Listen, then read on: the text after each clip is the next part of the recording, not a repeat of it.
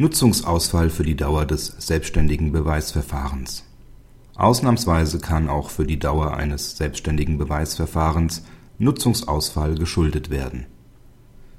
Der Kläger verlangt für weitere 66 Tage Nutzungsausfall, die ein selbstständiges Beweisverfahren zur Unfallrekonstruktion gedauert hat. Das OLG sah darin keinen Verstoß gegen die Schadensminderungspflicht, begründet dies aber ausdrücklich mit den Besonderheiten des Falles. Aus der Sicht des Beklagten stände zu befürchten dass eine aussagekräftige Rekonstruktion des Unfalls nur durch eine Gegenüberstellung der Fahrzeuge erreicht werden konnte. Hierbei ging es um die Dokumentation des Zustands des LKW der Beklagten, an dem wegen geringer Geschwindigkeit Unfallspuren nicht zu erkennen waren.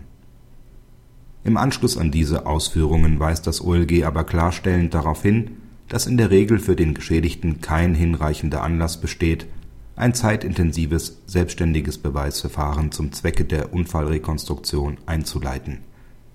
Dadurch eintretende Verzögerungen gehen grundsätzlich zu Lasten des Geschädigten. Allein widersprechende Unfallschilderungen reichen für sich nicht aus, es muss vielmehr der Verlust von Beweismöglichkeiten im Raum stehen. Diese Voraussetzung sah das OLG aus der Sicht des Geschädigten im vorliegenden Fall ausnahmsweise als gegeben an Kritik Das OLG hat die Problematik des weiteren Nutzungsausfalls gesehen und deshalb trotz des zusprechenden Urteils den absoluten Ausnahmecharakter deutlich gemacht. Hierbei mag auch der Umstand eine Rolle gespielt haben, dass die Verteidigung, der LKW habe gestanden, objektiv falsch war.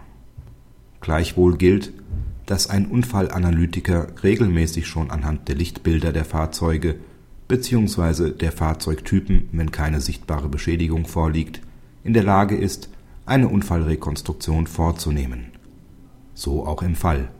Es hätte sich schon aus Ex-ante-Sicht fragen lassen, was ein aufwendiges Beweissicherungsverfahren hier bewirken sollte.